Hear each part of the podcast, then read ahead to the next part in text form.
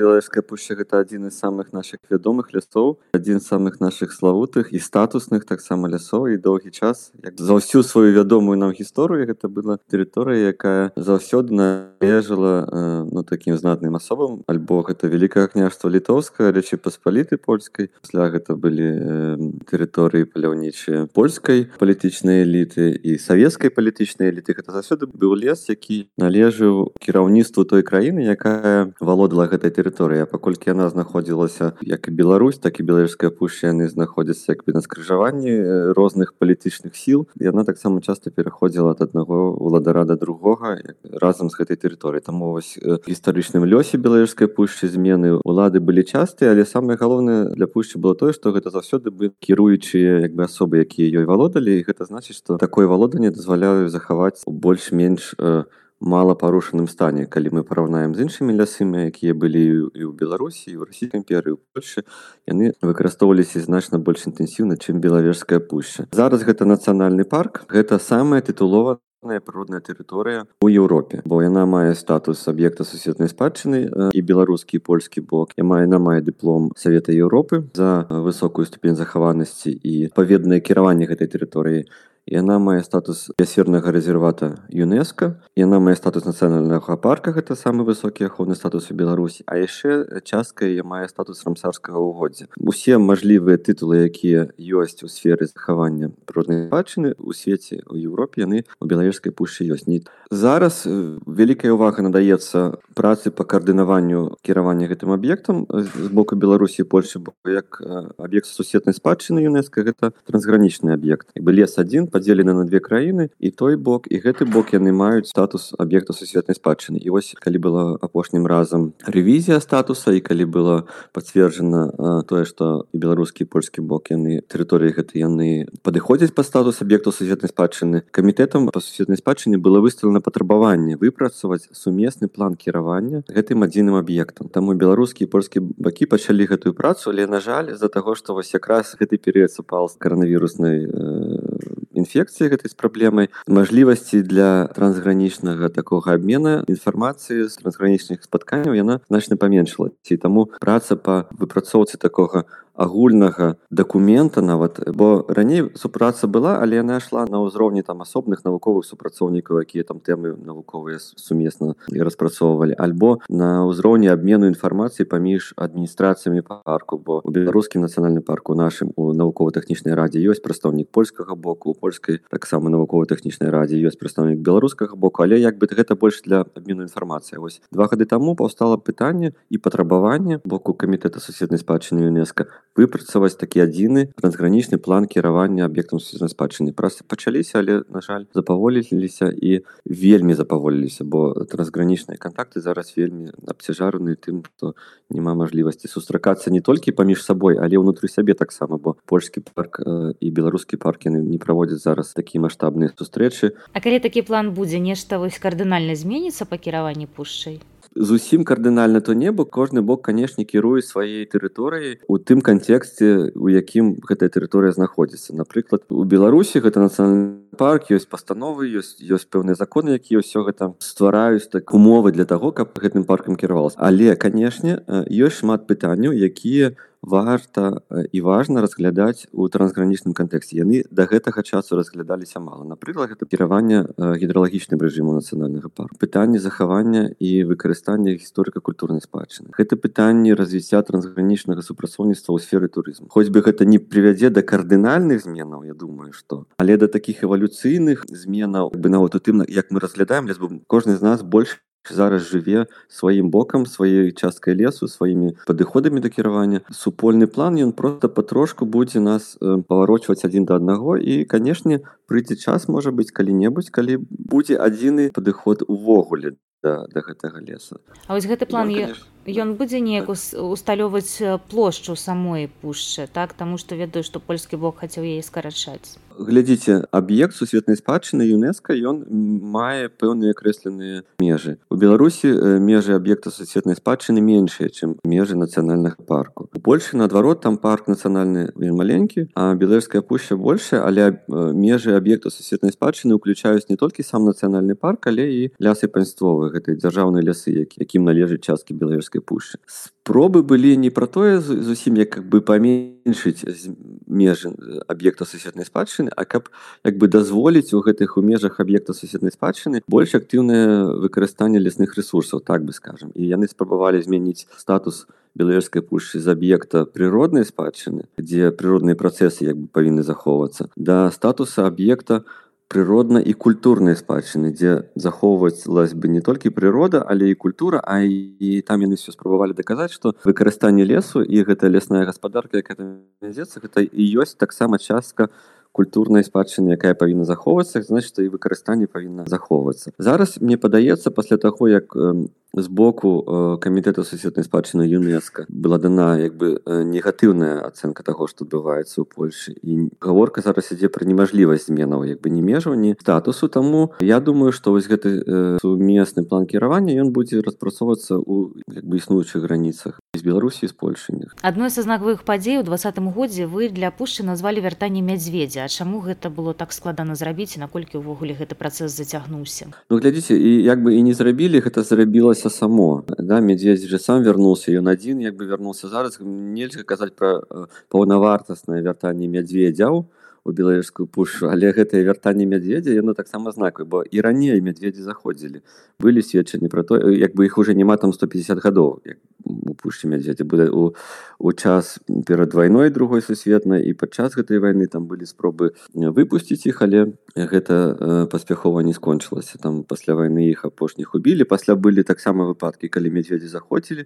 у беларускую пушу апошні там у 90-х годах зайшоў мядзведь яны не маглі там з-за таго што ўсё ж такі гаспадарка вялася э, вельмі інтэнсіўна беларускай пушчы паляўнічая гаспадарка вялася таксама вельмі інтэнсіўна.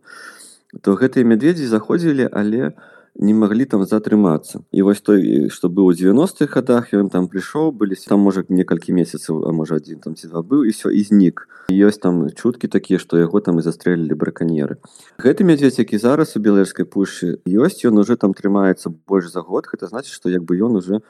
стаў часткай э, фауны беларускай пушчы. Гэта сведчыць пра што? Пра тое што і рэжым аховы змяніўся як няма тых пагрозаў якія былі ў час там 90-х гадоў альбо ў час савецкіх. І натуральнае вяртанне мядзведзя калі ён сам прыходзіць у беларускую пушу гэта канешне самы прыродны спосаб аднаўлення папуляцыі мядзведзяў. Бо мы таксама ёсць распрацаваны план. 5 год таму напэўна там франкфуртскае залагічнае таварыства разам з хвой птушак яны такі план выношвалі э, план рэінтрадукцыі мядзведзя ў пушчу акадэмія навук па замове нашай распрацавала ідэю працаваў документ які як бы апісвае як гэта зрабіць колькі мядзведзяў трэба завесці колькі выпусціць каяк што трэба зрабіць паміж на любоскай пушы дзе ёсць мядзведзі белавежскай пушчы куды мы хочам іх вернуць зрабіць такія прамежкавыя маленькія групоўкі мядзведзі каб захоўваўся абмен генетычнай інфармацыі мядзведзі маглі як бы паміж сабой абменьвацца такі быў складаны план які не быў рэалізаваны таму што па-першае складана складана по-другое людзі аказаліся не гатовыя ў першую чаргу ў Польшы калі калегі нашы даведаліся про тое што вось такі планы ёсць інтрадукцыі мядзведзю белачкую пушу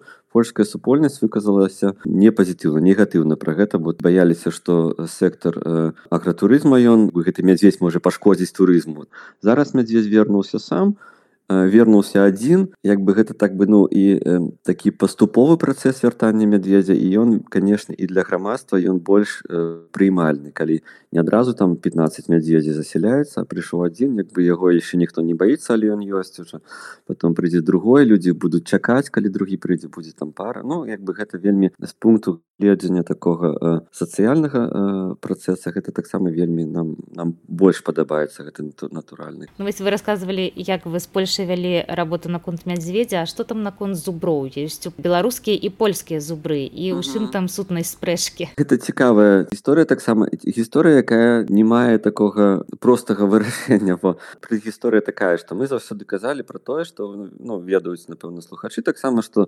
уся беларуска-польская мяжа яна падзелена такім плотам. Там стаіць забор. Шмат якіх жывёлаў яны праз гэты забор яны пераходзяць напрыклад ваўкі там падпаўзаюць вельмі лёгка рысі перапрыгваюць. Таму як бы ёсць вы абмен лосі могуць там больш мокрымі месцамі перайсці там праз пойму ракі праці ну карацей кажучы некаторыя жывёлы могуць гэтую мяжу пераходзіць і таму як бы для жывёлаў некаторых пушча не падзелена а ёсць жывёлы якія праз гэты забор не могуць пераходзіць напрыклад зубр. Ён яго не перасякае таму як бы папуляцыя зуброў у польльшы беларусі яны падзелены было шмат гаворкі пра тое што як трэба зрабіць гэтыя карыдоры ў мяжы каб усе віды і у тым ліку зубр зубрынай папуляцыі маглі паміж сабой абменьвацца бо адна з праблем у белавежскай пушчы з гэтымі зубрамі там былі лічылася што ёсць хваробы якія паўстаюцца таго што гэтыя зубры там паміж сабой толькі абменьваюцца генамі як бы гэта аслабляе іх папуляцыю. Таму стварэнне умоваў для таго каб беларускія і польскія зубры абменьваліся генетычным матэрыялам гэта было вельмі важна. І такія былі гаворкі ішлі ішлі пакуль э,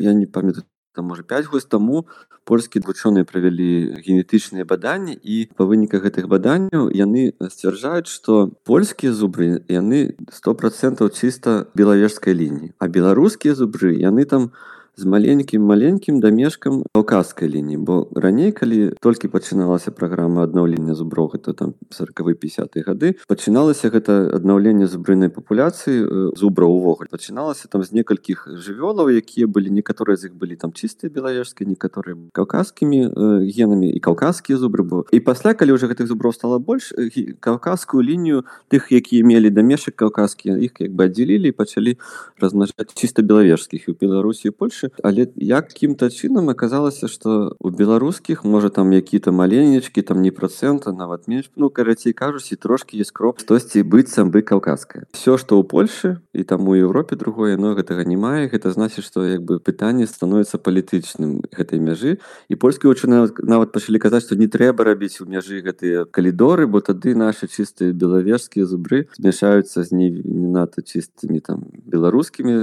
Вся супольнасць навуковай про прудахоўная падзялілася адні лічаць што бы трэба захаваць чысціню другія кажуць што як бы ну там дамешак такі маленькі што як бы увогуле няма сэнсу бы на яго глядзець зубры могуць пачаць мяшацца гэта будзе нават і лепшым. Можа быць праз пэўны час усе звыкнуцца таксама з тым што ну ёсць як ёсць і дальше можна будзе зноў казаць пра тое каб у беларускай пушчы стварыць гэтыя калідоры для ўсіх звяроў і тым ліку для завроў Віктор мы ўсё ж таки спадзяемся што каранцін калісьці закончыцца і турысты прыедуць у белавежскую пушчу. Якія вось цікавыя маршруты распрацоўвалі вы? Ведаю што у вас ноч ваўкоў была папулярна ну, беларуская пуша і так канешне беларуская калі вы возьмеце. Больш славутага месца чым беларуская пуша наша няма. І гэта як турыстычная дэстынацыя на вельмі як зараз такая раскручаная так? Туды шмат людзей едзець таму нашы высілкі накіраваны не на тое каб яшчэ больш туды турыстаў прыцягнуць каб размазаць гэты турызм па сезонах так? Не каб яны прыязджалі ўсе там на майскія святы калі на догляд альбо на каляды калі традыцыйна яны туды едуць там да дзеда мороза а каб стварыць на працягу года які-то новыя мерапрыемствы якія дазволяць гэтую нагрузку на беларускую пушчу з такой пікавай калі прыязджае ў кароткі тэрмін шмат людзей і гэта канешне цяжка і для лесу і для людзей і для таго для сервісу гэтага турыстычнага цяжка з гэтым працаваць. Гэта як бы не хема не тойлівая не трывала зрабіць так каб гэтыя людзі прыязджалі на працягу ўсяго сезону. Вось і таму мы вось працуем над мерапрыемствамі якія мы можемм праводзіць тады калі звычайна гэта не турыстычны сезон. Напрыклад люты гэта такі абсалютна не турыстычны сезон і але з пункт лежання ваку гэта адзін з аптымальных месяцаў і вось у нас у лютым было і мы спадзеемся ў гэтым лютым таксама будзе белавежскай пушчы мы праводзім гэтую ноч ваку толькі ў гэтым лютым канешне будзе для нас больш складана бо нам трэба прыдумаць фармат які дазволіць усё ж такі людзям удзельнічаць але не сабіраць усіх людзей у адным месцы таксама думаем пра ноч аленя мы думалі правесці гэтую ноч аленя гэтай восенню у верасні але з пункту каранавіруса ну і ўвогуле сітуацыя ў краіне наша была вельмі напружаная палітычная тому на жаль было не да святого леня ноч кажанома таксама ну пачалі з ночы ваўком у мінулым годзе калі мы зрабілі сумесную ноч ваўкоў мінулая ноч ваўкоў была сумесна дзень было беларусі дзень у польльшы вельмі добра спрацавала гэта